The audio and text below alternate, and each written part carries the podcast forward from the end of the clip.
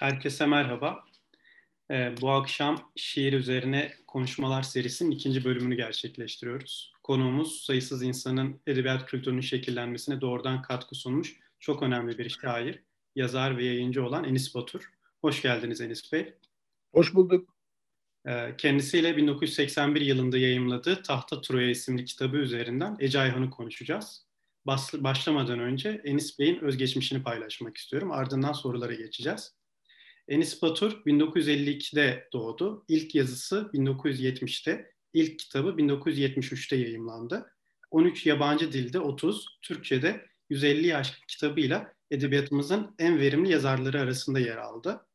1978'den başlayarak yayın ve kültür dünyasında çeşitli görevler üstlendi. Milli Eğitim Bakanlığı Yayın Dairesi'nden Yapı Kredi yayınlarına 3000'e yakın kitabın yayımlanmasına katkıda bulundu. Yazı, Gergedan, Şehir, Sanat Dünyamız, Gece Yazısı gibi dergiler çıkardı. Televizyon ve radyo programları yaptı. Seminerler verdi. Ansiklopediler yayımladı. Aralık 2017'den beri ise Kırmızı Kedi yayınlarının genel yayın yönetmenliğini yapmaktadır. Enis Bey dilerseniz başlayalım. Ee, ilk sorum şöyle olacak. Ee, Tahta Troya'nın Ece Ayhan şiir hakkındaki ilk geliştir metinlerinden biri olduğunu biliyoruz. Hatta müstakil kitap boyutundaki ilk örnek de denebilir. Kitapta 1975-80 arasında yazdığınız metinleri bir araya getirmişsiniz. Ece Ayhan'a dair görece erken bir dönemde ortaya attığınız görüşlerin bugün de geçerliliğini kaybetmediğini görüyoruz. Ee, daha sonra pek çok şairle ilgili yazılar yazdığınızı da biliyoruz ama bu tekillikte bir örnekle hiç karşılaşmıyoruz. Ee, şunu soracağım bu noktada. Sizi bu kitapta yeni bir eleştiri dizgesi inşa etmeye götüren yolda Ece Ayhan'a ulaştıran malzeme ve motivasyon neydi? Buyurun böylece başlayalım. Şimdi tabii e, takvim yapraklarını biraz geriye doğru maalesef döndürmek zorundayız. E, 20'li e, yaşlarımdayken kendi kuşağımın pek çok üyesi gibi dünya ortamında, dünya kültür ortamında ortaya çıkan bazı yeni anlayışların etkisi altında kaldık hatırlıyorum ben 1972 iyi 73'e bağlayan gece yani bir yılbaşı gecesi arkadaşlarımın bazıları bir yerlerde eğlenirken ben peş peşe sabaha kadar Roland Barthes'in üç kitabını okudum. Arıza diyelim ki buradan başladı herhalde. Bu üç kitabı peş peşe o gece okumamın sonuçlarından biri de o sırada Orta Doğu Teknik Üniversitesi'nde öğrenciydim. Ve sıkıntılıydım. Yani Türkiye'ye sığamıyorum. Aradığım şeylere ulaşamıyorum. Yani herhangi bir kitabı ısmarladığınız zaman o kitabın gelmesi aylar sürüyor. Plak bulamıyorsunuz. Bazı filmlerin gösterime girdiğini duyuyorsunuz ama seyredemeyeceğinizi biliyorsunuz. Yani bu tarz bütün e, sıkıntıların bir anlamda hapis duygusu yarattığı bir dönemde yurt dışına gitmeye karar verdim. E, bugün de dönüp baktığımda hayatımın en doğru kararlarından biri olduğunu düşünüyorum. Yani 20 yaşında bir adam e, bu kadar sıkışıyorsa kendisini daha az sıkışacağı bir ortama götürmenin yolunu bulmalı. Ne yaparsa yapsın. Sonuçta e, birçok bir kuşaktaşım gibi dediğim gibi işte Roland Barthes bir simge isim sonuçta. E, onun etrafında e, gerek işte semiyoloji alanında, gerek semantik alanında, gerek düpedüz e, eleştiri alanında çalışan pek çok başka önemli isim de vardı. Ve bunlar hakikaten yeni bir bakış açısı getirdiler. Metnin okunma biçimine ilişkin yeni metodolojik unsurlar ortaya koydular. Ben sonuç olarak formasyonum gereği bir kendimi hiçbir zaman bir akademisyen olarak hazırlamadım. Öyle görmedim. Ee, eleştiri metinleri bir dönem yazdım ama kendimi eleştirmen olarak da görmedim. Ama işin başında e, insan kendi yazmak istediklerini yazarken bir yandan da kendisini etkileyen şair ve yazarlar üzerinde kafa patlatmaya, onlarla arasındaki mesafeyi kısaltmaya çalışıyor. yaşın getirdiği bir açlık durumu da var. Yani bir yandan işte E. Cummings okuyorsunuz, bir yandan Ece Ayhan okuyorsunuz, bir yandan Sadık Hidayet'le tanışıyorsunuz. Yani bir dağınık bir tablo da var işin içinde ama işte bir yandan da bir toparlanma e, yolu da buluyor insan. Sözü uzattım.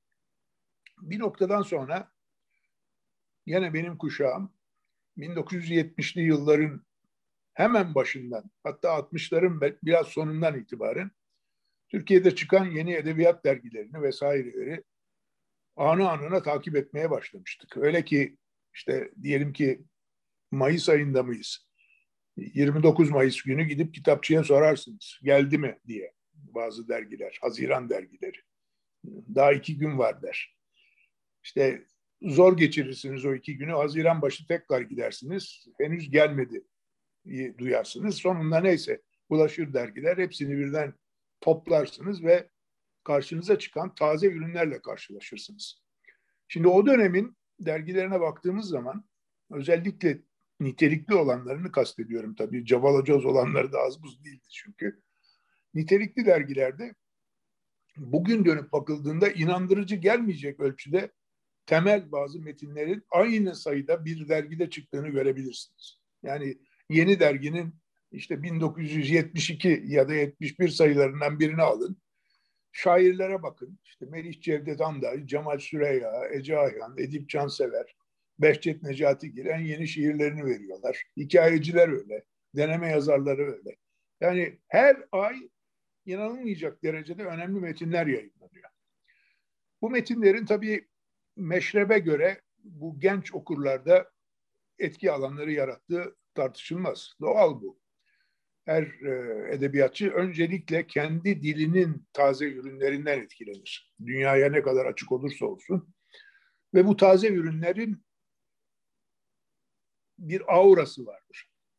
Bu aura, aura zaman zaman zararlı da olabilir. Yani yazan çizen kişi üzerinde zararları olabilir. Hatta okur üzerinde bile zararları olabilir. Çünkü bir tür kendine hapsedip başka beğenilere açılma yolunu tıkayabilir. Ece Ayhan'ın böyle bir etkisi vardı. Bir dönem bir yazımda bundan söz etmiştim. Yani zararlı olan üslupların bulaşıcılığı nedeniyle zararlı olan şairler vardı. Ve Ece Ayhan onlardan biriydi. Yani ikinci yerinin o anlamda en etkili şairlerinden biriydi. Rahmetli Edip Cansever, iki rahmetli dostumuz İzzet Yasar ve Mustafa Üldet için Ece'nin tüp şairleri derdi.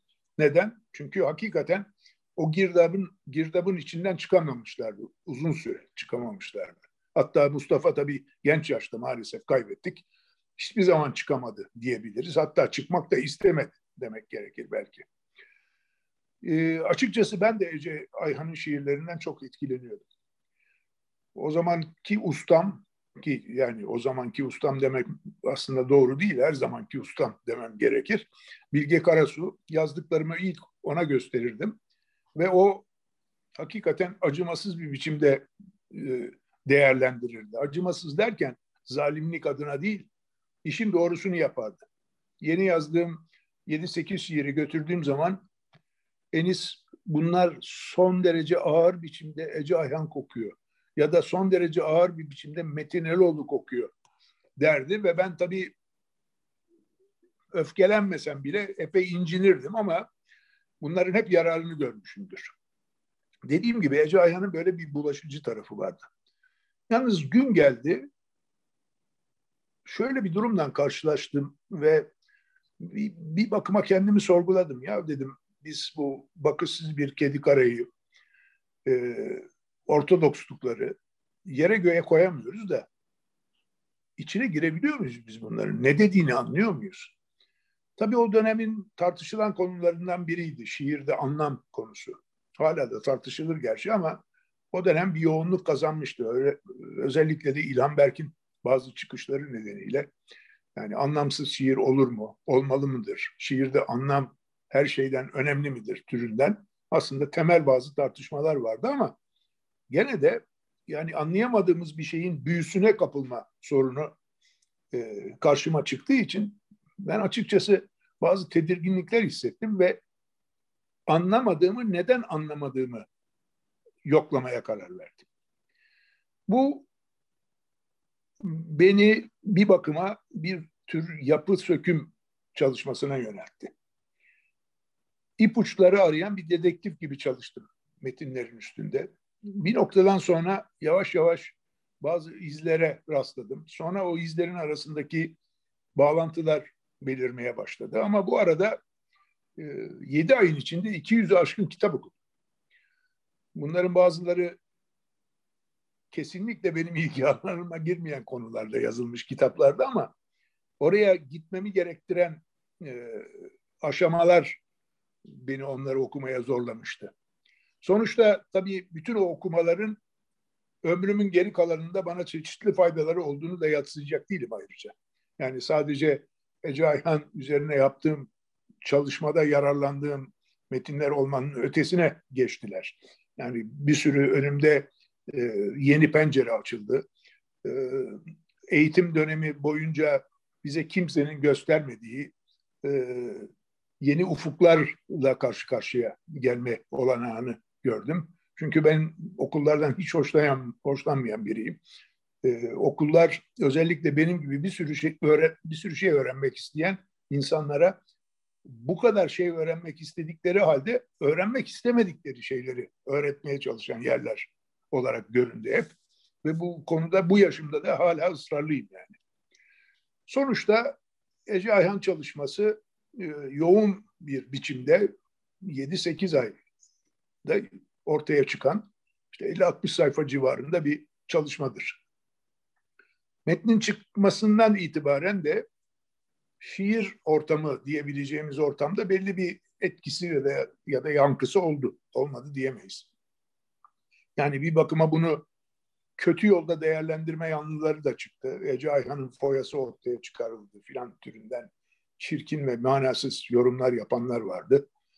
Ama bir yandan da işte yani sonuçta benim gösterdiğim ilişkiler, bağlantılar, şunlar bunlar yani şiirin, Ece Ayhan şiirinin içine biraz daha girilmesini kolaylaştırıcı bir takım unsurlar ortaya koymuştu. Sanıyorum bu konuda bir e, görüş birliği iyi kötü oluştu diyebilirim. 70'ler ee, hakikaten 60'ların ikinci yarısından başlamak üzere çok bereketli bir dönem. Ee, o minvalde tam da dönemin konjonktürün aslında eleştirmenlere, şairlere neler kattığı ile ilgili bir soruyla devam edelim isterseniz. Ee, şimdi Tahta Troya'nın alt başlığı denemeler. Denemeler alt başlığını görmemize rağmen aslında eleştiriye has bir e, biçim kurmaya çalıştığınızı da fark edebiliyoruz. Adorno'nun denemenin en derin biçimsel yasası, yasası heterodoksluktur şeklindeki cümlesini düşününce aslında Ece Ayhan'ı okumaya dönük bir çabanın deneme adını alması da şaşırtıcı olmuyor. Bütün hayatını ortodoksluklarla mücadeleyle geçiren bir şair olduğunu hesaba katarsak tabii. Ee, yine de söz konusu yıllarda aslında eleştirinin bir tür olarak çok kendi kendisini yaratamadığını da söylüyorsunuz. Söz gelimi bugün eleştirmen olarak bildiğimiz Murat Belge, Füsun Akatlı, Mehmet Doğan gibi isimlere daha çok denemeci dediğinizi görüyoruz kitapta. E, ve demin siz de söylediğiniz bu çerçeveyi oluştururken aklınızda yanınızda daima Roland Barthes var. E, eleştirinin metnin gerçekliğine saygı sunma aracı olmaktan çıkarılmasını ve tam da çağın gerçekliğini e, yaratacak bir e, tür olmasını diliyorsunuz. Buna dönük bir çaba içerisindesiniz tahta Troya'da. E, şunu soracağım. Bütün bu dinamizmine rağmen 70'lerde sizce neden e, eleştiri deneme sınırlarını aşamadı? E, eleştiri e, gecikmeli olarak gelişebildi bu yıllarda bile. Aslında çok da haksızlık etmeyelim her şeye rağmen. Yani e, bugün 70'lere hatta 80'lerin ilk yarısına dönüp baktığımız zaman Türkiye'de özellikle akademik ortam e, önemli atılımlar yaptı. Bazı önemli dergiler yayınlandı. E, işte FDE dergisi, Dil Bilim dergisi türünden dergiler çıktı. Ve burada işte Tahsin Yücel gibi, Berke Vardar gibi oldukça önemli e, kılavuz hocalar e, eleştiriyi bir disiplin olarak nasıl kullanmamız gerektiğine ilişkin örnekler de ortaya koydular. Ama onun dışında işte dergiler üzerinden tanıtımla eleştiri metni arasında kalan veya bocalayan diyebileceğim e, pek çok e, yazının sahibini eleştirmen olarak adlandırma kolaycılığına da sapıldığını gördük. Aslında önemli olan yani yazılan türün ne olduğundan çok yazılan metnin ne olduğu. Yani iyi metinler çıka geldiyse ona şu şöyle de tanım versek, böyle de tanım versek çok uzun boylu fark etmiyor benim gözümde. Deneme kaldı ki e, bir niteleme biçimi olarak bir yandan son derece alçak gönüllü, adı üstünde deneme, bir yandan da bence çok hırslı bir kavram. Yani her şeyi deneyebilirim şey de var bunun içinde. Ee, ben bazı kitaplarımı alt tür olarak örneğin roman denemesi diye tanımladım. Ee, orada da sık ola geldiği gibi ya bunun neresi roman hatta bunun neresi deneme diyenlerle karşılaştım. Ee, yani onların gözünde roman denemesi diye bir şey zaten olamazdı. Ama bu roman da deneme de olmadığına göre hiçbir şeydi. Ee, ama yazı adamı bir noktadan sonra kendi okurlarını seçme yolunu tutuyor. Başkalarının ne diyeceğini o kadar fazla aldırmıyor. Hatta başkalarının ne diyeceğini önceden kestirmeye başlıyor zaten. Yani bir takım tanımların e, kanonik olarak e, dayatıldığı e, bir atmosferde e, bizim işimiz biraz da ihlaller yaratmak.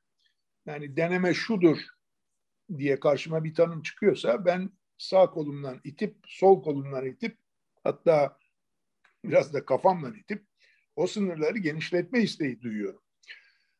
Ama akademik anlamıyla eleştiriye dönüp bakacak olursak onun da son derece yaratıcı boyutlarıyla karşılaşabiliyoruz. Şimdi örneğin Roland Barthes'in bazı seminer metinleri dilimize çevrildi.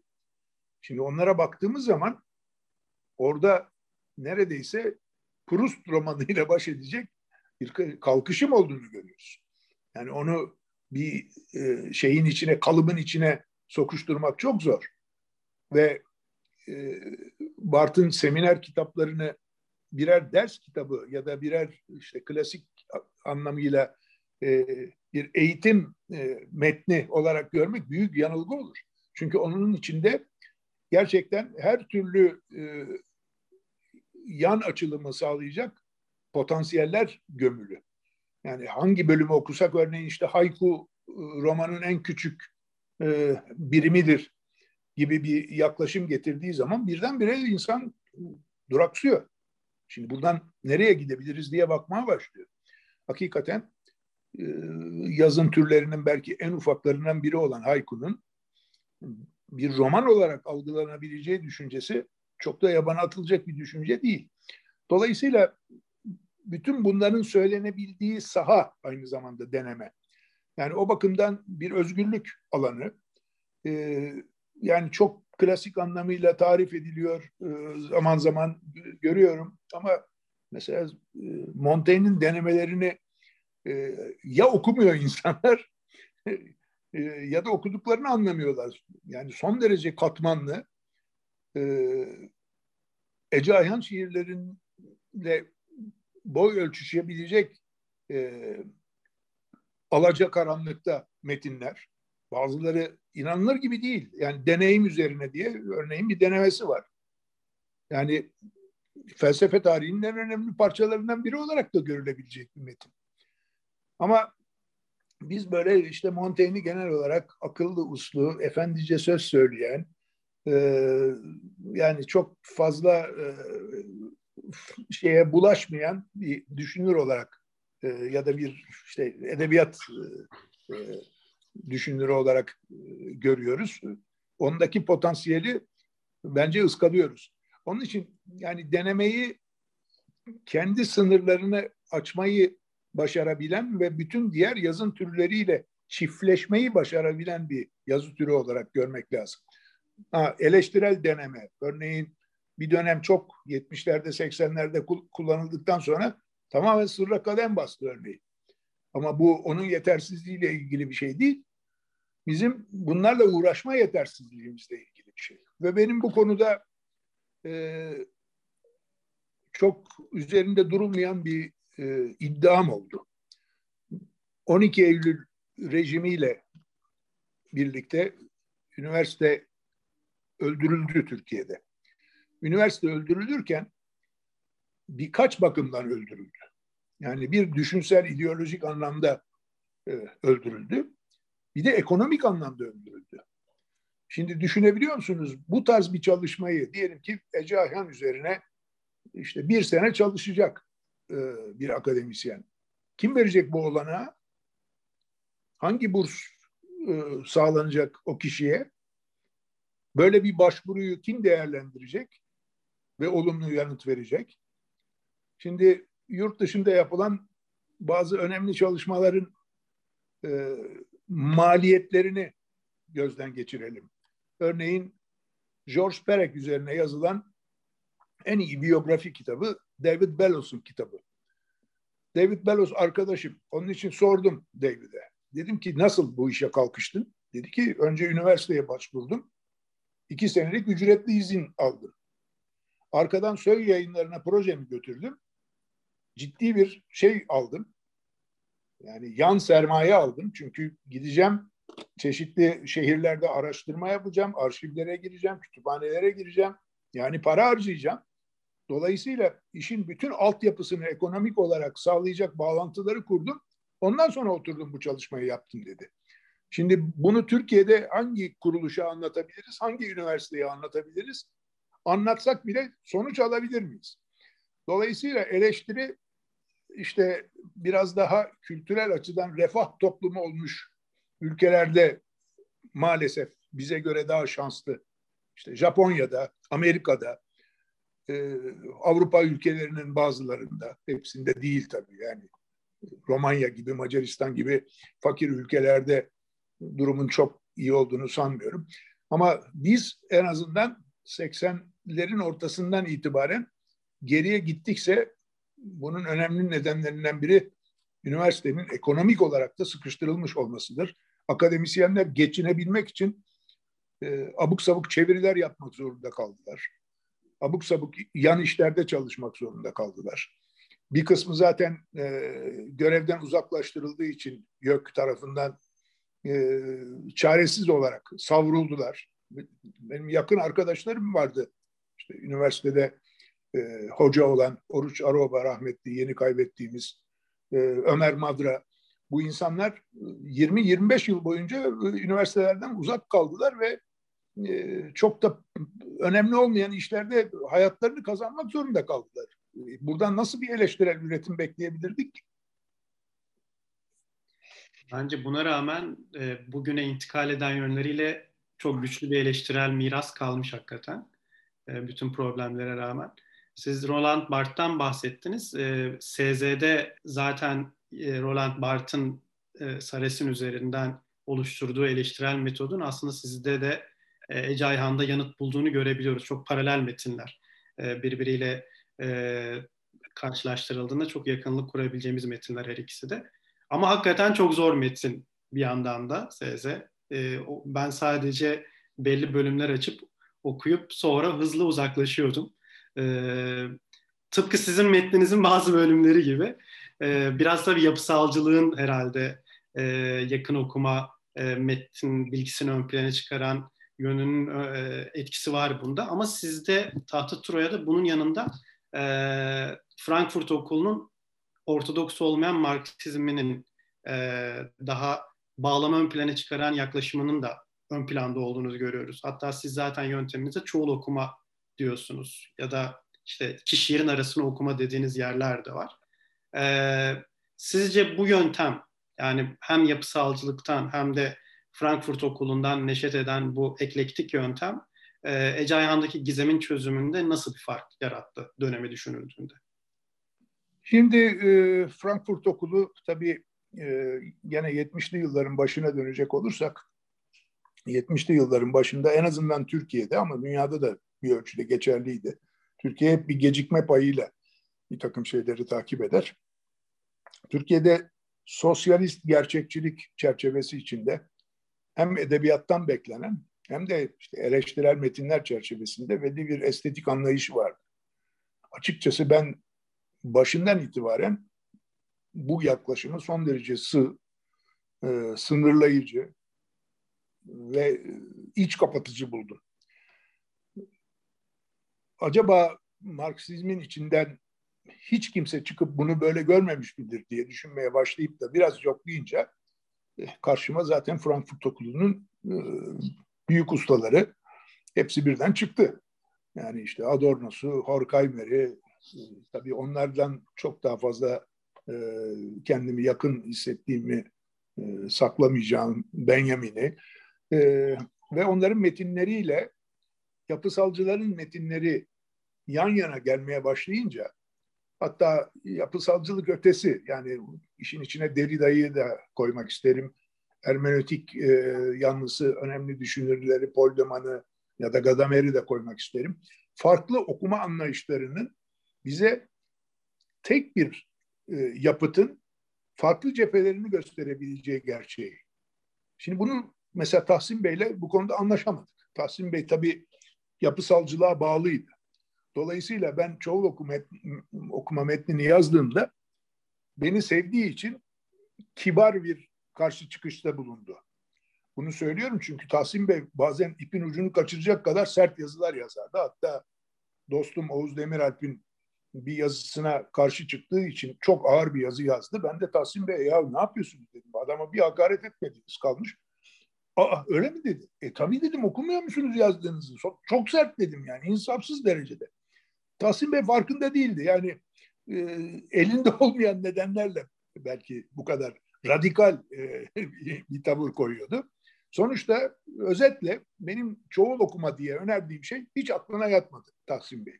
Yani bir metot kendi başına ne yapacaksa yapar. Birden fazla metodu aynı kişinin kullanması akıl kârı değil dedi. Tartışılır. Ben sonuç olarak dediğim gibi meslekten ne akademisyen ne eleştirmen saymadığım için kendimi ben özgürüm. Ben metot kullanmak zorunda da değilim. Ben tamamen sübjektif bir okumanın yararlarına inanan ama objektif verileri ya da yaklaşımları hiçe saymaktan hoşlanmayan biri. Dolayısıyla yapısalcılıktan öğrendiklerim oldu. Frankfurt Okulu'ndan özellikle Benjamin'den öğrendiklerim çok oldu.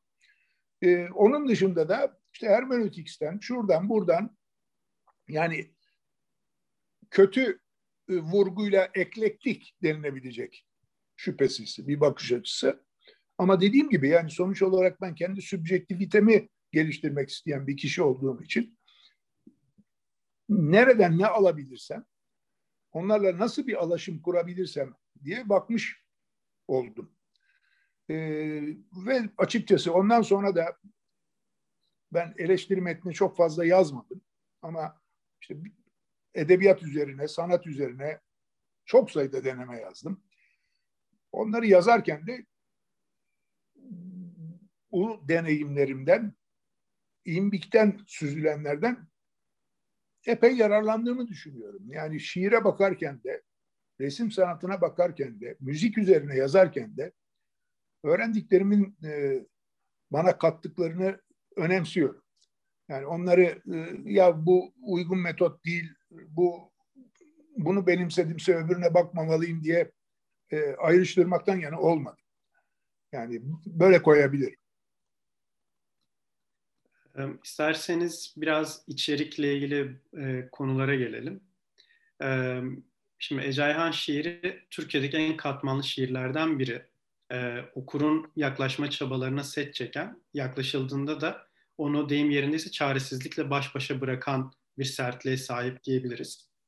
E, Tahta Troya'da da sizin de başta söylediğiniz gibi e, polisiye denebilecek bir araştırma içinde olduğunuzu görüyoruz bu sertliği aşmak için. E, kaldı ki eleştirmenin elinde e, bu sertliği aşma noktasında bu çaba dışında başka bir araç da yok hakikaten çok didik didik edilmesi gereken bir şiirle karşı karşıya olduğumuz için. Ee, sorum şu, Sizce Ece Ayhan külliyatın bütününe yayılan bu tarihi içeriğin arka planında ne vardı? Ece Ayhan neden tarihsel malzemeyi biçimsizleştirerek ya da ya da bazen olduğu gibi güncele taşımak istiyordu? Neden bu kadar tarihle uğraşıyordu?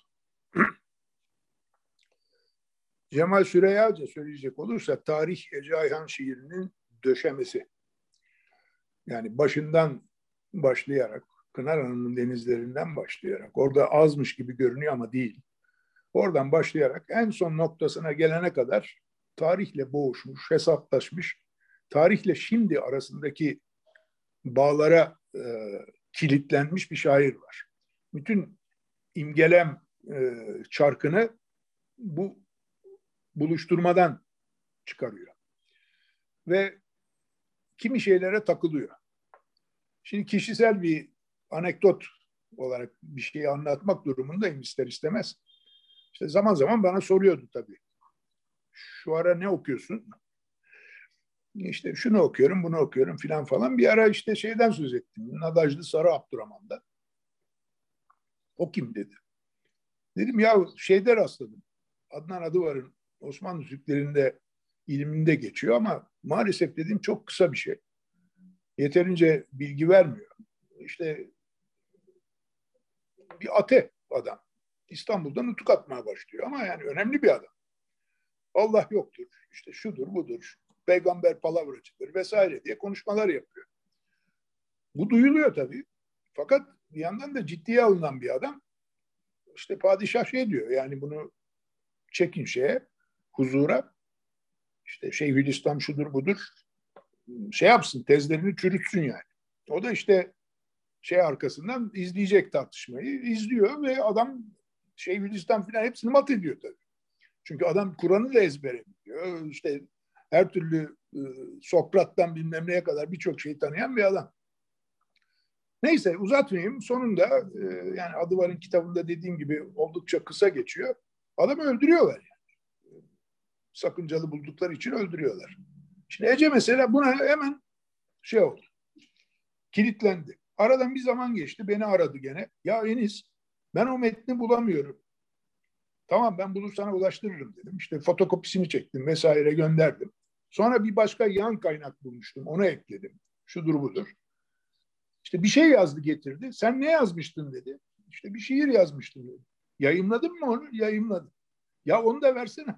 tamam verdim. Şimdi yani top topu 10-12 satırlık e, dizelik bir şeyden bahsediyoruz. Bu hemen hemen 6-7 ayını aldı. Yani işleme, şey yapma, başka kaynaklardan bir şey bulabilir miyim? İşte bu arada Ahmet Mumcu'nun siyaseten katline e, bakıp oradan bir iki uygun terimi e, şiirin içine kaydırmak türünden. Yani demin dediniz ya katman meselesi. E, Ece tabii kat kat, kat kat işte o Fransızların milföy dedikleri pasta vardır ya tabii ki bin yapraktan oluşmaz ama yani bin orada çok anlamlı kullanılıyor herhalde. Yani öyle bir şiir kurma biçimi vardı. Ve onun içine e, imgeyi sıkıştırarak olabildiğince atom haline getirerek yerleştirme çabasıydı. Onun için de zaten e, bir noktadan sonra sıkı şiir diye tutturdu. Yani sıkı şiir aslında sıkıştırılmış şiir. İyice atomize edilmiş, yoğunlaştırılmış, içine su katılmamış bir şiir ve işte yani geçinmeye çalışmayan bir şiir. Yani ben şimdi okuru nasıl avlarım, okuru nasıl tavlarım deme kaygısı taşımayan, ne söyleyecekse onu en arı haliyle, en koyu haliyle, en ağdalı haliyle e, kurgusunun içine yerleştirmeye çalışan şiir. Dolayısıyla da yani hemen hemen her şiirinin içinden geçen kuşaklar var. O kuşakların arasında işte Osmanlı tarihinden süzülenler, Bizans tarihinden süzülenler var. Bir yandan da tabii hani sizin de değindiğiniz gibi işte marjinal unsurlar çok önemli. Yani bu kimileri azınlıkların yaşamından süzüp alınmış şeyler. Çünkü azınlık olmak zaten kendisinin özdeşleştiği bir durum olduğu için yani dinsel azınlık olması şart değil ya da e, etnik azınlık olması şart değil. Yani sosyal azınlık kavramı var. Ve dolayısıyla işte en uca kadar marjda durmayı seçmiş figürler bütün söyleşi denemelerinde, e, düz yazılarında sık sık tekrarlanan, bıktırasıya tekrarlanan figürler haline gelir malum. İşte Aktedron Fikret, Sakallı Celal, e, Hayalet Oğuz. E, bence marjinal olmadığı halde onun gözünde marjinal olduğu için işte mesela Nilgün Marmara, Nilgün Marmara marjinal falan değildi. Ama o, o değer verdiği için e, değer verdiği insanları marjinallerin arasına yerleştirmekten e, geri durmazdı. Ama bütün bunların e, oluşturduğu bir iç evreni vardı. Tabii burada ismini vermek istemiyorum. Çok önem verdiğim, değer verdiğim, artık yaşamayan yazarlarımızdan biri bana demişti ki aslında bir kolaycı yanı var ama yaptığının demişti. Ne gibi dedim. Zaten çok ilginç olan şeyleri birleştiriyor dedi. Yani gidip onları bulup buluşturuyor. Bu iyi bir şey değil dedi. Yani şiire zarar verecek bir şey. Aşırı şeker koymak gibi bir şey bu demişti. E, bunda doğruluk boyu olduğunu düşünüyor. Ama bu e, mahkum edici bir cümle olarak ya da yargı olarak e, yer etmemek kaydıyla mahkum edici olduğunu düşünüyorum. Ee, buradan devam edelim isterseniz bu tarih meselesinden. E, çünkü aslında ikinci yeniyle de ortaklaşan bir tarafı bu bir yandan da. E, söz gelimi İlhan Berkit'e ve e, dinsellik yükünü sırtlayarak Sezai Karakoç'ta da tarihsel manzaraları şiirde kendisine yer bulduğunu görüyoruz. E, aslında temelde bu modern şiirin tam da modernliğin yarattığı gerçekliğe verdiği yanıtlardan biri. Tarihe gitme, tarihsel malzemeyi, mitolojiyi güncele taşıma çabası. E, ikinci yeni şairlerinin de Ece Ayhan'ın da işte Lautremont'la olan e, kontağını düşününce çok da sürpriz olmuyor e, böyle bir e, içerikle karşılaşmak dolayısıyla. Ama tabii Ece Ayhan, İlhan Berk'ten ya da işte Sezai Karakoç'tan çok da farklılaşıyor. Çünkü e, hakikaten çok e, marjinal kesimlere şiirine yerleştiriyor. Şiirinde ele almaya başlıyor. Sizin de kitapta söylediğiniz bir şey vardı. Dondurulmuş süreçlere odaklanıyor. E, bu çok önemli bir tespit bence. E, bu dolayısıyla onu ikinci yayın akımından da farklılaştıran bir noktaya taşıyor. Söz gelimi İlhan Berk'ten ve Sezai Karakoç'tan da ayrışıyor. Ee, burada şöyle bir şey görebilir miyiz? Ee, bu dondurulmuş süreçlere dair ilgi aslında tam da politik bir şey değil midir? Yani tam da egemen tarih yazımının biyosiyaset adı altında gerçekleştirdiği ölüme hükmetme, e, yaşama hükmetme buradan da hareketle e, girişime bir reddiye olarak e, değerlendirilemez mi? Değerlendirilebilir elbette. Ee, yalnız şunu tabii biraz hesaba katalım. Yani ikinci yeninin tarihle e, ilgili şairleri derken hiçbirinde Ece Ayhan ayarında bir e, tarihe e, kendi tutarlılığı açısından yani kendi şiirinin tutarlılığı açısından bakma eğilimi yok. Yani şimdi Oktay Rıfat bir dönem çok güzel padişah şiirleri yazdı. Hakikaten olağanüstü 4-5 tane şiir yazdı. Kaldı ki Ece biraz kıskandı sanıyorum. İşte Gül Karanfil meselesinden dolayı hemen bir dirsek attı ona ama bence bunun bir önemi yoktu yani açıkçası. Orada hileli bir faul yaptı. Yani gül olmuş, karanfil olmuş ne fark eder? Çünkü şiir müthişti yani. Ama Oktay Bey'e baktığımız zaman onun tarihle ilişkisi daha çok medeniyet kapsamında bir ilişki oldu. Yani işte bütün hümanistlerimiz gibi işte Anadolu medeniyetlerinin e, kültürünü önemseyen ve zaman zaman Melih Cevdet'te belki biraz daha fazla şiirine bunların göndermelerini taşıyan bir yaklaşımda. Ama yani onun dışında Osmanlı'ya, Cumhuriyet'in ilk kuruluş dönemine şuna buna pek yaklaştıkları söylenemezdi. İlhan Berk'in tarihe bakışında ise tamamen İlhan Berk'e özgü, son derece tutarlı ve bence çok lirik bir anlayış vardı ama İlhan Berk deyim yerindeyse tarihten hiçbir şey anlamıyordu. Yani oturup işte tarihsel bir kesite ya da tarihsel bir şahsa yönelik bir şiir yazması patates üzerine şiir yazmasından farklı değil. Ve bu bence çok önemliydi. O ayrı. Ama yani Ece'nin yaklaşımı ya da olaya hassasiyetiyle kıyaslanacak gibi değil.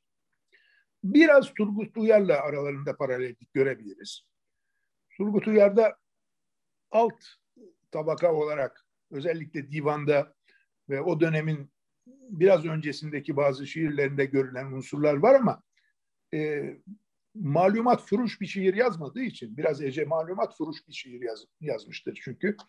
E, orada çok fazla ortaya çıkmıyor. Edip Cansever'e gelince onda yani tarih kaygısı yok. Yani mekan kaygısı çok fazla, insan kaygısı fazla, fazla işte dramatik e, unsur kullanma kaygısı çok fazla. Ben hep Edip Cansever'in şiirini Tomris Uyar'ın hikayelerinin şiir e, karşılığı olarak görürüm. Zaten aralarındaki o büyük sevgi ilişkisi de belki bunun bir şeyi olabilir, e, uzantısı olabilir. Ece Ayhan dolayısıyla işi tarihi açısından almakta biraz yalnız. Ha Sezai Karakoç dediniz tabii. Onu da unutmayalım. Şimdi Sezai Bey tabii ister istemez inancı gereği inanç kültürünün tarihsel ögelerini ağırlıyor şiirinde daha çok. Yani seçtiği simge isimlerde, simge olaylarda daha çok o sahadan alınmış. Ama onun dışında yani diyelim ki Osmanlı tarihinin, Selçuklu tarihinin, hatta Orta Doğu tarihinin, çünkü Orta Doğu'ya siyasal bakışını çok önemsiyorum. Yani ciddi bir siyasal bakışı var Orta Doğu kültürüne vesairesine ve o anlamda keşfedilmeye aday üzerinde çalışılmayı gerektirecek bir yapıt ortaya koyduğu inancındayım ayrıca. Maalesef muhafazakarlar bu işleri e, sökemiyorlar, okuyamıyorlar gibi geliyor bana. Aralarından analitik bakışa yakın insan yetişmiyor belki. Yani bunlar tabii şüpheli sözler bütün bu söylediklerim. Ee, yani bir, bir şeye dayanmıyor, bir veriye dayanmıyor ama sonuçta işte görüyoruz yani ortada e, o anlamda bir yorum çıkmıyor. Dolayısıyla Sezai Bey'inki o çerçeveyle biraz daha sınırlı. Buna karşılık Ece'de dediğim gibi yani genel anlamıyla tarihten e, azade edilemeyecek bir şiir dokusu var. Ee, ya hakikaten Ece Ayhan'ın diğer ikinci yeni şairleriyle kıyaslanamayacak. Ee, onu çok farklı bir noktaya e, yerleştirecek bir boyutu var. Ee, Orhan Koçak'ın onunla ilgili yabancı dil, onun şiiri için yabancı dil dediğini e, aklımıza getirince e, çağdaşlarıyla olan farklılığı da zaten ortaya çıkıyor diye diyalog ve etkileşim imkanlarını devre dışı e, bırakarak aslında tarihsel malzemeyi şiire taşıyor Ece Ayhan. E, Şimdi burada... Hasan sözünü keseceğim. Sözünü keseceğim. Tabii bütün bunların içinde şunu unutmamamız gerekiyor. Ece Ayhan'ın bütün bu e, marjinallik e, seçimlerinin içinde cinsel tercihlerinin de payı çok büyük. Yani bugün bunları söylemek daha kolay gibi görünebilir ki bugün de zorlaşmaya başladı yeniden ayrı konu. Ama geri döndüğümüz zaman ben şunu hatırlıyorum tabii 25 yaşlarındaydım. Bilge Karasu'ya bir gün çıkıştım haddini bilmeyerek. Dedim ki ya eşcinselliği işte savun, savunmuyorsun şudur budur yani eşcinsel oluşunu savunmuyorsun eşcinselliği değil de vesaire. Bilge bana döndü ne kadar rahat konuşuyorsun dedi ben eşcinsel olduğumu ayan beyan söylemeye kalksam Ankara'da bana hiçbir evi kira vermez, kiracı olarak e, beni almazlar dedi. Sen bunun farkında mısın? Bunu duyunca utandım tabii. Hem de çok utandım. Yani o mücadele alanının, o yaşantı biçiminin yarattığı zorlukların filan farkında olmadığımız için böyle bol keseden konuşuyorduk. Yani zor dönemlerdi. İşte yalnız Türkiye'de değil işte Pasolini'nin nasıl öldürüldüğünü biliyoruz. Dolayısıyla Ece e, kendi cinsel tercihleri çerçevesinde ve cinselliğe genel olarak bakış açısı e, göz önüne alındığında aslında en radikal duruşlardan birini temsil eden bir şairdi. Ve bu şiirine de geniş bir e, biçimde yansıyan bir özelliktir. Yani kullandığı imgelere kadar. İşte Şam'dan olacağım. Yani Şam'dan olacağım. Yani alabildiğine falik e, bir takım e, imgeleri de rahatlıkla, pervasızca kullanan bir şeyi vardı.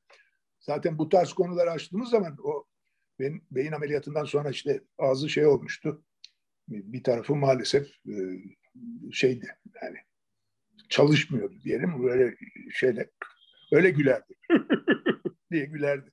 Yani bundan gene bir hergelelik yapmışsın deyince mesela derdi.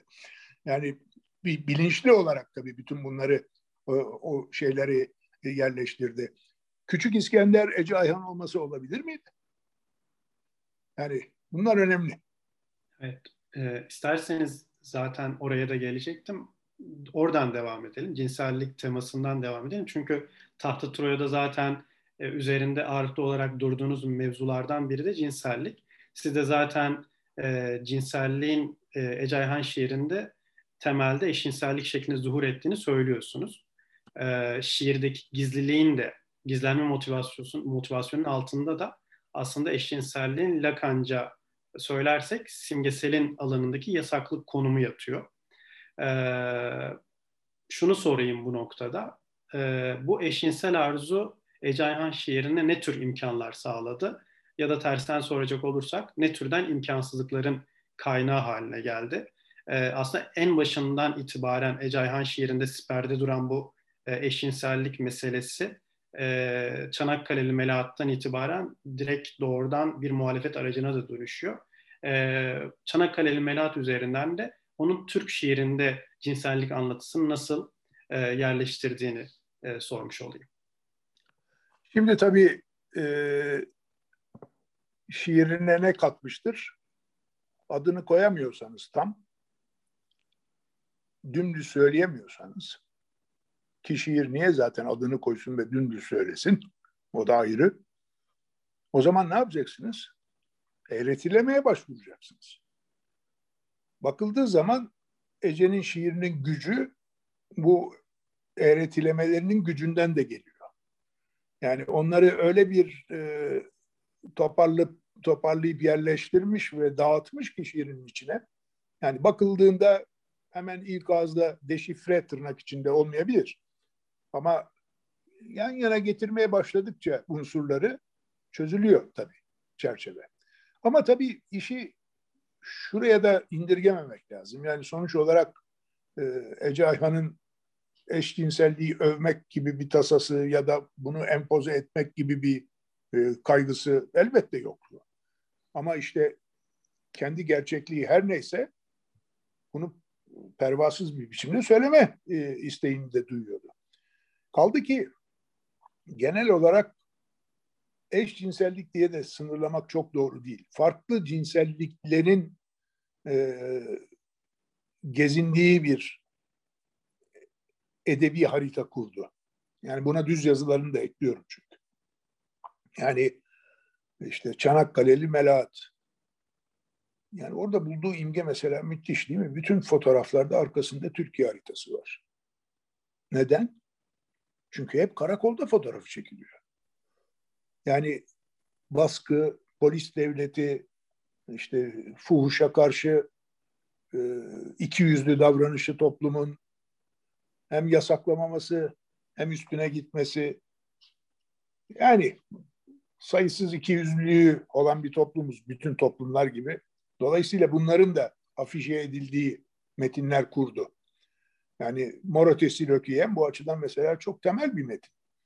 Yani o o kitabı çok önemsedi hep.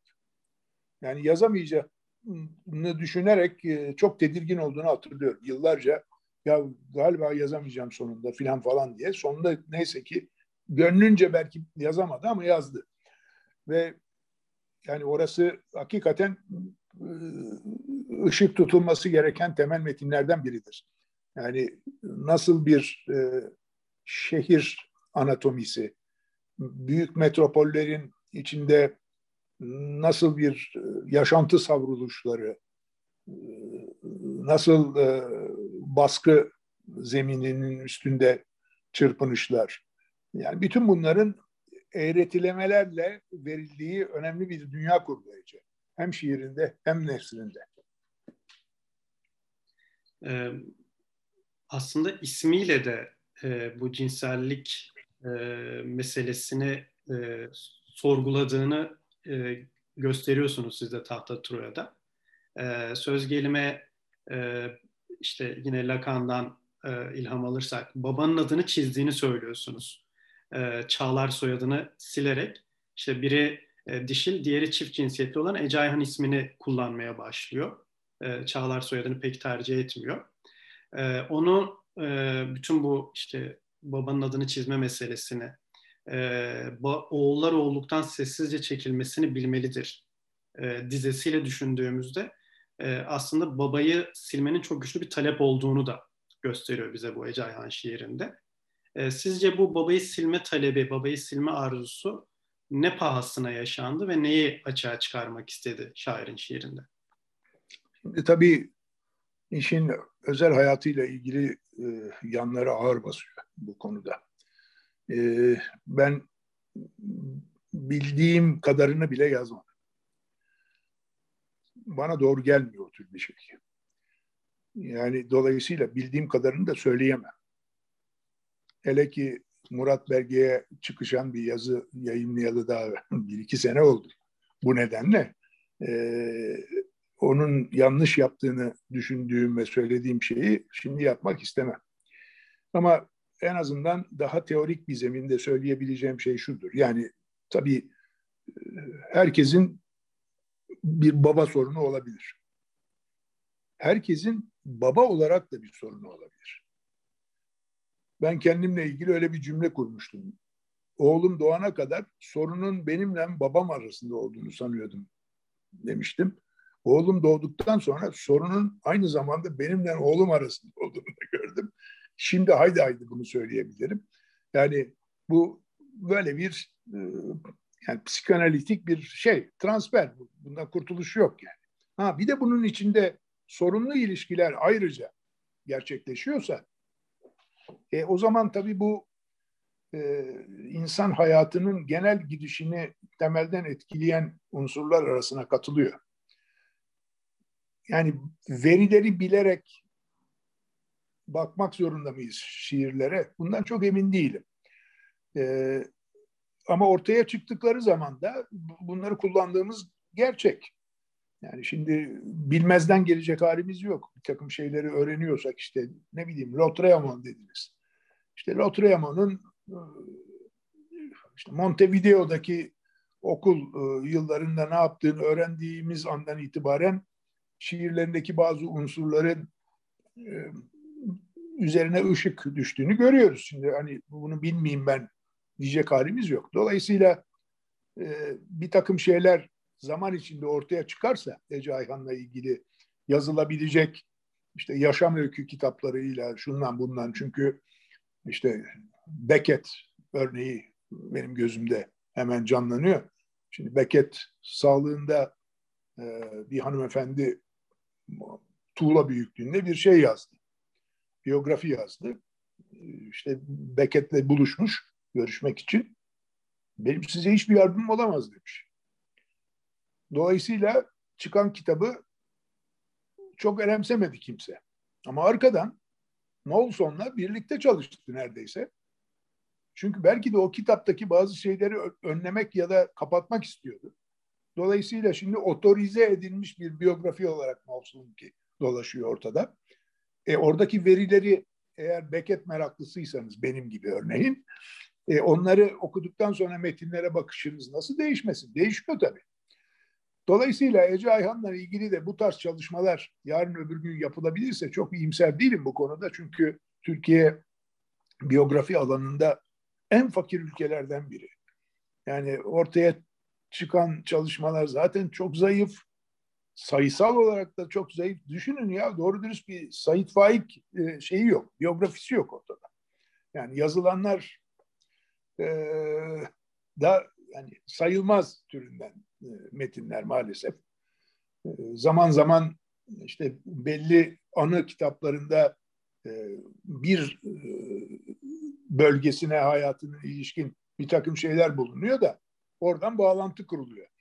E, o kadar. Yani doğru dürüst bir çalışma yapılmıyor. Çünkü etik nedenlerle de yapılamıyor. Kim çıkıp da bunları söyleyecek? Sıkıntısı var. Aynı sıkıntı bence Ece Ayhan için var. Ha, bir gün aşılır da ortaya e, bu bağlar dökülürse ha, o zaman işte hani şiirinde baba problematiği neden bu kadar ağırlıklı? Oğul problemi neden bu kadar ağırlıklı? Neden e, Daidalos, Ikaros çatışması bu kadar önemli? Şimdi bir ara küsüştük. Gergedan dergisinin çıktığı dönemde Lobut bölümü vardı arkada sayfalarında derginin ve orada hiç kimseyi ayırt etmeksizin lobutlama vardı. Yani çok ağır eleştiriler. Eşim, dostum da orada ağır eleştirilere maruz kaldı. Hatta geçici Allah'tan küçük kırgınlıklar oldu. Yani Ahmet Toktay mesela çok kırıldı. Ee, ama dedim yani kusura bakma benimle de ilgili gelse koyacağız oraya. Neyse Ece Ayhan'la ilgili de dört genç e, şairin Ankara'dan gönderdikleri bir lobutu basınca bu küstü. Küsmekle yetinmedi bana saldırmaya başladı. Ve bu saldırı 3-4 sene sürdü. 3-4 sene sürdü. Sonra neyse at, geçti bu iş. Yani hatta yani bana haksızlık yaptığını da nasılsa itiraf etti. Yazılı olarak. Yazılı olarak itiraf etti. Ama yani bu böyle bir şey yaşandı. Ha orada işte bu Ikaros, Daidalos meselesinden de vuruyordu bana durmadan. Yani sen İkaros olmayı gözün yemedi senin diye. Yani çılgın oğul olmadın diyor bana. Akıllı uslu baba oldun diyor. Ben de ona her zaman onu söyledim. Ben kendimi bir İkaros olarak genç yaşımda bile tasarlamadım. Yani böyle e, işte çıldırasıya e, risklere girecek vesaire bir e, insan olduğumu hiçbir zaman düşünmedim. Tam tersine Daidalos çok önem verdiğim bir figür. Yani ona daha kendime yakın hissediyorum dedim ama o kötü örnek. Kötü baba. Yani bunun arkası tabii analiz edilmeyi bekleyen bir şey ama dediğim gibi verilerle. O verilerin oğul tarafına ilişkin biraz bilgilerim var. Baba tarafına ilişkin fazla bilgim yok. O konuda sordum zamanında. Hiçbir şey söylemedi. Geçiniz gibi bir durum vardı. Ha, annesini her zaman çok önemsedi, çok sevdi. Ee, o da aslında şiirin içinde bir hayalet olarak gezinir. Gezinmiyor diyemeyiz. E, sizi hatta babanızla vurmaya çalıştığı şeyler hatırlıyorum. Bir şiirin bakır çağındaydı galiba. Öyle bir şey okudum. Tabii tabii tabii. tabii. Ee, tabii. ama tabii ona rağmen çok da sahip çıkıyor size ve çok din, Dinar Bandosu ekibinde siz de varsınız zaten. Tabii, tabii. Birazdan oraya da geliriz zaten. Biraz sonun, sonun, son, sonunda benim için maalesef iyi şair. Evet. Ee, isterseniz biraz içerikle ilgili e, bu kez içeriğin daha siyasal boyutuyla ilgili e, meselelere e, gelelim. E, şimdi Ecayhan'ın siyasal şiiri sosyalist şairlerin ya da işte İslamcı şairlerin siyasal şiirinden çok daha farklı bir boyut taşıyor. Daha gündelik bir siyasallıkla karşı karşıyayız burada. E, majör meselelerden çok daha minor meselelerin odakta olduğunu görüyoruz. E, bu noktada Ece Ayhan şiirindeki tarihselliğin, e, minörlüğün e, Benjaminci bir içeriği olduğunu da düşünebiliriz. Yani galiplerin zamanından çok e, ezilenlerin zamanını ön plana çıkarmaya e, çalışan, onların zamansallığını ön plana çıkarmaya çalışan bir çaba içerisinde olduğunu görüyoruz. Bunu da en çok devlet ve tabiatta yapıyor. Devlet ve tabiattan önce de aslında bunu e, bu, bu izleyi daha gizli bir formda görüyoruz ama devlet ve tabiattan itibaren daha aşikar hale geliyor. Sizce neden devlet ve tabiat milat oldu ve Ece Ayhan şiir bu dönemde aktivist bir kimlik edindi? E, bunu e, Kubilay Ünsal'ın Ece Ayhan şiirindeki marjinallerin Fanon'un 3. Dünya devrimcileri olarak okunabileceği önerisiyle cevaplayabilir miyiz? Yani bu 3. Dünya devrimciliği meselesiyle Ece Ayhan'ın marjinalleri yan yana gelir mi? Yani pek bana yakın bir şey değil bu. Fikir değil. E, şunu söyleyelim. E, gene şeye dönelim. 60'lar Türkiye'sine öncelikle. Hatta belki biraz daha geriden alıp 50'lerin ortasından yani ikinci yeni hareketinin işte pazar postası dönemine gidelim. Şimdi o dönemde Demokrat Parti iktidarda Türkiye'de belli bir takım siyasal sıkıntılar var. O siyasal sıkıntıların özellikle işte üniversite öğrencileri e, ve yaşıtı gençler üzerinde bir takım etkileri var. Toplum kıpırdanıyor. E, bütün bunların içinde işte mülkiyede öğrenci olan üç tane adam değil mi? Cemal Süreya, Sezai Karakoç e, ve Ece Ayhan üçlüsü.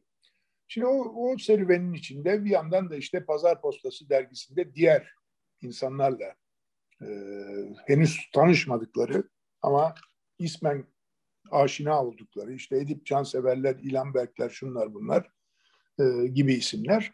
İtişler, kakışlar, edebi itişler, kakışlar, siyasi itişler, kakışlar.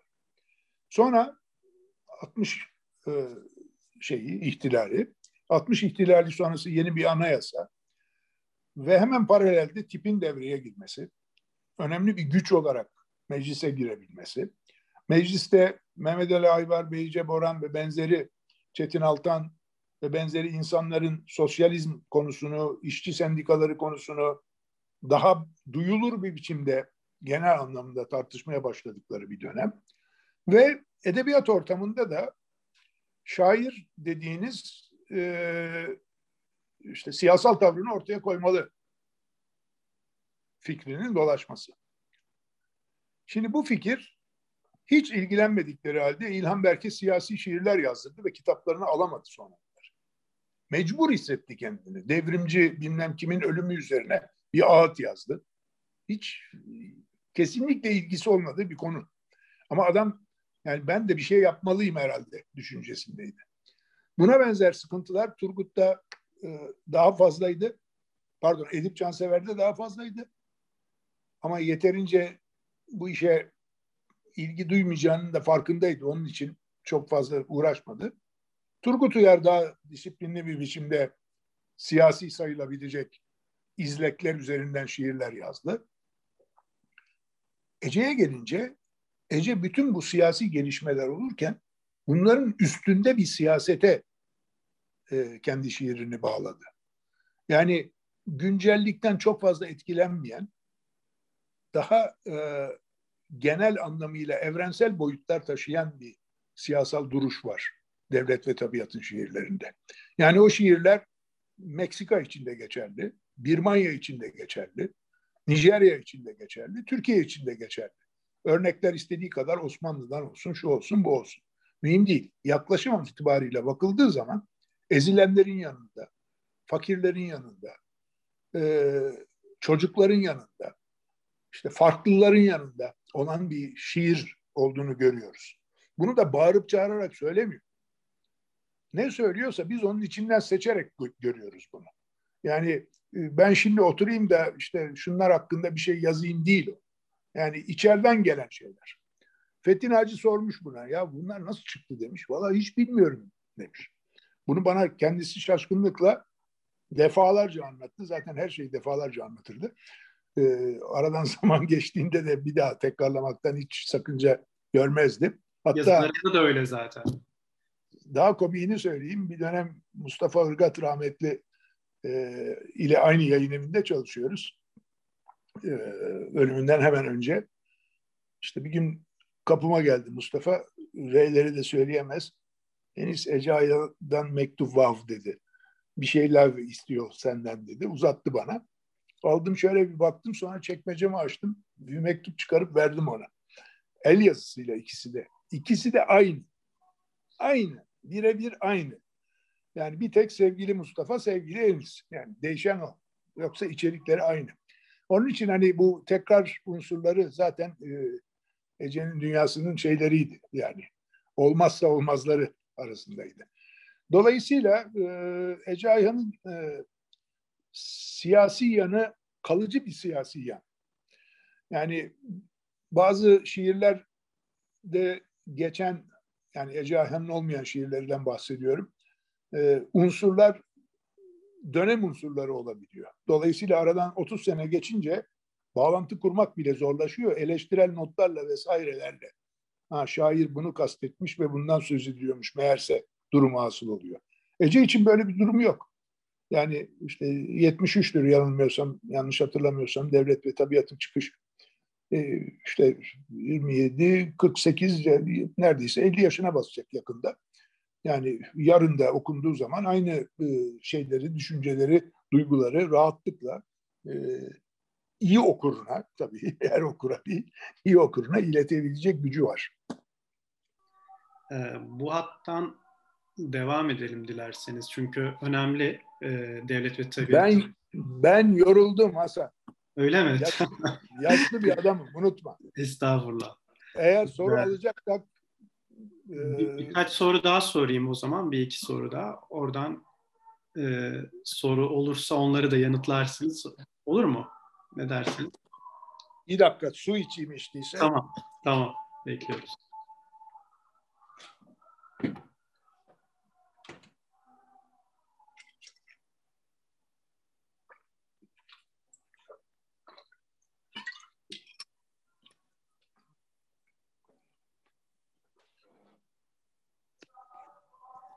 Siz gençsiniz, dinlersiniz.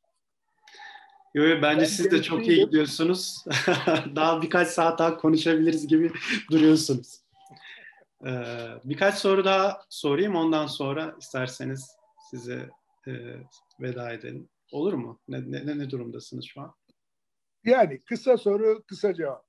Tamam, tamam. Ee, bu devlet ve tabiatın konjonktürüyle ilgili bir şey soracağım aslında. Ee, hiç böyle uzatmadan. Ee, tam bu sivil şiir muhabbeti üzerinden e, devlet tabiatın doğduğu koşulları, işte 70'li yılları, e, Ece Ayhan'ın İdris Küçükömer'le olan ilişkisi bağlamında okuyabilir miyiz? Yine bu İdris Küçükömer'i tartışmaya açtı. Onun etrafında dönen Atüt tartışmalarıyla birlikte düşünülebilir mi? Devlet ve tabiat. Düşünüldü. Düşünülmesi de doğaldı. Çünkü bu e, sonuç olarak onun üzerinde durduğu isimler bunlar. E, o tartışmalarla ilgilendi, teorik bir altyapı aradı. Asaf Savaş Hakat'ın kitabı çıktığı zaman bile bundan e, bir pay çıkarttı, önem verdi vesaire. Ama yani bunlar bana kalırsa gereksiz şeyler. Tabii bana kalırsa diyorum. E, yani onun daha üstünde bir şiir kurmuşken yani ayakları yere basan bir takım e, teorik e, çalışmalarla uğraşıp yani ne sağlayabilirdi bilmiyorum. İşte daha çok düşünce yazısı kapsamındaki metinlerinde onların sık sık dolaştığını görüyoruz. E, ama bütün hepsinin altında yatan şeyin ne olduğunu unutmamamız lazım. Şimdi sınıfsal olarak üstünde zaten dev, devamlı durduğu konuydu. İşte Cemal köylüdür, parasız yatılıdır. Sezai Takunyalıydı, fakir bir aileden geliyordu. Ben öyleyim ama Edip öyle değil. Tamam Edip öyle değil ama yani Edip sonuç olarak işte yani yaşayıp ölüyor. Sonra şiirler kalıyor. Yani biz e, insan hayatına böyle kitlenmeye başlarsak e, Ece'de de başka şeyler bulabiliriz ki hiç iyi şeyler değil onlar. Yani yani bunlar e, bence saf dışı mümkün olduğunca tutulması gereken e, yanlarıydı yaklaşımının. Yani sivil şiir konusunda da yani tamam Atatürk şiiri yazanlara sinirleniyordu. Güzel. E tamam sen yazma. Hayır bir de sinirlenecek. Ya da dağlarcaya takış biçimi. Yani Missouri şiir üzerinden. Tamam evet bir kere tamam. Hayır. Senelerce devam eden bir şey ve o arada Dağlarca'nın şiirini e, hor görme. Tabii o, bunlar yanlış. Yani dolayısıyla Ece Ayhan'ın düşüncelerini üfleyerek e, takip etmekte fayda olduğunu düşünüyorum ben. Ee, bu yani bu politik e, dil e, ve tarihsel içeriğin e, işte şiirde kendisine yer bulması bir yandan da paradoks oluşturmuyor mu? Yani bu kitabilik, e, bu kadar azınlıklarla işte dışta bırakılanlarla marjinallerle e, yan yana durmak isteyen bir şiirin bu kadar kitabi olması paradoks değil mi? Bir ironi değil mi sizce? Ama bu sadece Ece özgü bir paradoks mu? Değil. Şundan değil. Şiir saha kaybetti. Şiir bundan yarım yüzyıl önce başka bir durumdaydı. İşte Yevtushenko stat dolduruyordu şiir zaman. Bugün e, ben şeyi hatırlıyorum. Bilsak'ta gene ismini vermek istemiyorum. Bizden bir önceki kuşaktan bir şairin e, işte şiir okuyup konuşacağı bir etkinlik yapılacak. İşte afişler asılmış, sağda solda duyurulmuş. İşte orada bir de e, şey var. İşte bar bölümü var. Yani oraya da işte insanlar içki içmeye geliyorlar, kahve içmeye geliyorlar. Neyse. Bugün herhalde kahve içmeye daha çok o saatte gelmiş olabilirler. Rahmetli Mustafa Kemal Ağaoğlu geldi. Dedi ki ya arkadaşlar dinleyici hiç yok. E, ne yapalım dedik. E, gelin dedi. Yani ayıp dedi. Adam ayıp. Yani şiir e, iyi bir şairdi ayrıca yani. İçerideki şey değildi yani. Kötü bir şair değildi yani. Bunu hak eden bir şair değildi ama e, şair sonuçta sperine çekilmek durumunda kaldı. Onun yerine şarkı sözü şeyleri aldı. İşte Leonard Cohen'ler, şunlar bunlar aldı. Ee, yani şimdi Aragon benim beğendiğim bir şair, değer verdiğim bir şair ve yazar. Ama yani Aragon'u daha çok Leo Ferre veya Jean Ferrat üstünden tanıyor insanlar Fransa'da artık. Yani şi- şiir ister istemez burçlara çekildi. Belki geçicidir, onu bilemiyorum. Ama yani eski durumda değil. Dolayısıyla bir paradoks oluşturduğuna inanmıyorum. Ece'nin kitabi e, özellikli şiirinin e, bu nedenle geniş e, okura gitmediği düşüncesinde değilim yani. Ee, son sorum. Ee, sonra bir e, dinleyici sorusu varmış. Onu da kısaca yönelteceğim. Ee, sizin kuşağınız aslında ikincinin hemen ardından e, şiir yazmaya başladı ve ikincinin aslında bugüne kadar e, süren bir poetik hegemonyası olduğunu da görebiliyoruz. Kitapların satış rakamlarına vesaire baktığımızda. Ee, Ece Ayhan'ın bir, an, bir an, bu, bu gerçeklik bir yana Ece Ayhan'ın zar attığı şairlerden de birisiniz. Geleceğe ka- kalacak kalacağını söylediği şairlerden birisiniz. Sizce sizin kuşağınız e, ikinci yeni yüze, yüzünden yeterince e, okunabildi mi? Yeterince analiz edilebildi mi? E, bununla birlikte Ece Ayhan, e, Ece Ayhan'ın işte Hilmi Yavuz'la, Yahya Kemal'le, e, Nazım Hikmet'le hayatı boyunca olan cebelleşmesini düşündüğümüzde e, ve tabii iktidarla olan cebelleşmesini düşündüğümüzde Ece Ayhan'ın bugün e, marjinal bir sultan-ı şuara olduğunu söyleyebilir miyiz? Tabii söyleyebiliriz. E, ama yalnız değil, orada da yalnız değil. Çünkü bunlar da sayıcı artmaya başlıyor bir noktadan sonra. Bir de e, fraksiyonlara bölünmüş bir toplumun içinde yaşadığımız için işte mesela Müslümanların nispet özelliği oluyor. Ötekilerin Ece Ayhan'ı oluyor. Berikilerin bilmem e, kadın şair tercihleri oluyor. İşte diyelim Gülten Akınları oluyor. Filan gibi bir şey de var. Bir bölü, bölünme de var işin içinde. E, o zar meselesini çok önemsemeyin. Neden önemsemeyin? Ece abuk sabuk bir yığın insana da zar attı. Yani duygusaldı çünkü. Yani zaman zaman işte sevdiği, ona yakınlık gösteren bir takım insanların da e, iyi şair olduklarını falan söylemiştir. Yani bakıldığı zaman yani top, toplam bir liste çıkartırsanız ü, yani onlarca isime e, zar attığı görülür. Yani ben o tarz zar atışlara e, çok şey yapmıyorum. Yani e, çiçek dağıtanlara e, çok güvenmiyorum. Hani gerçekten e, söylenim. Mesela benim için sarf edilen en, en önemli e, iltifat diyelim. Edip Cansever'in iltifatı, e, övgüsü. E, ben Edip Cansever'le beş dakika görüştüm hayatımda. Yani bir arkadaşlık, dostluk ilişkimiz olmadı. Beş dakika görüştüm. Dolayısıyla duygusal bir şey değil. Adam benim şiirlerimle ilgili işte bizden sonra bir tek o var diyor. Yani bundan büyük övgü mü olur? yani bir tek ben mi varım o ayrı konu tabii de. Yani e, övgü diye ben bunu ciddiye alırım. Ece'ninkini değil yani. Ee, dinleyicilerden iki soru var. Hemen kısa kısa onları da sorayım. Çok vaktinizi almadan. Ee, ilki e, Ece Ayhan'ı daha iyi anlamak için kimlerle okumak lazım? Hangi yan okumalara e, gitmek lazım diye bir soru.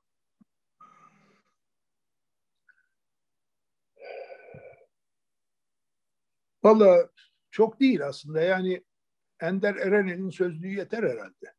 Yani onun dışında e, yani şiir okumak için şiirle e, baş başa kalmak lazım. Yani bakmayın bizim e, üstüne çalışmak ayrı bir konudur. Ama okumak başka bir şey. Yani okumak için şairin yanına birini katmanız gerekmez. Yani doğrudan doğruya onun metinleriyle e, karşı karşıya gelmek, e, yetmiyorsa dönmek, yetmiyorsa bir daha dönmek en doğrusu. Diğer soru da Hilmi Tezgör'den. Ee, bu silgiler silerken silinirler e, vecizesi. Ee, onu hangi e, bağlamda söylediğini hatırlıyor mu diye soruyor size. Ecai Hanım. Valla tam hatırlayamıyorum. Yani bu gene e... İsmet Özel'le ilgili miydi acaba? Ben öyle hatırlıyorum ama. Olabilir. Bu Sivas evet, evet, şey oldu ya. Sanıyorum. Yare meselesi.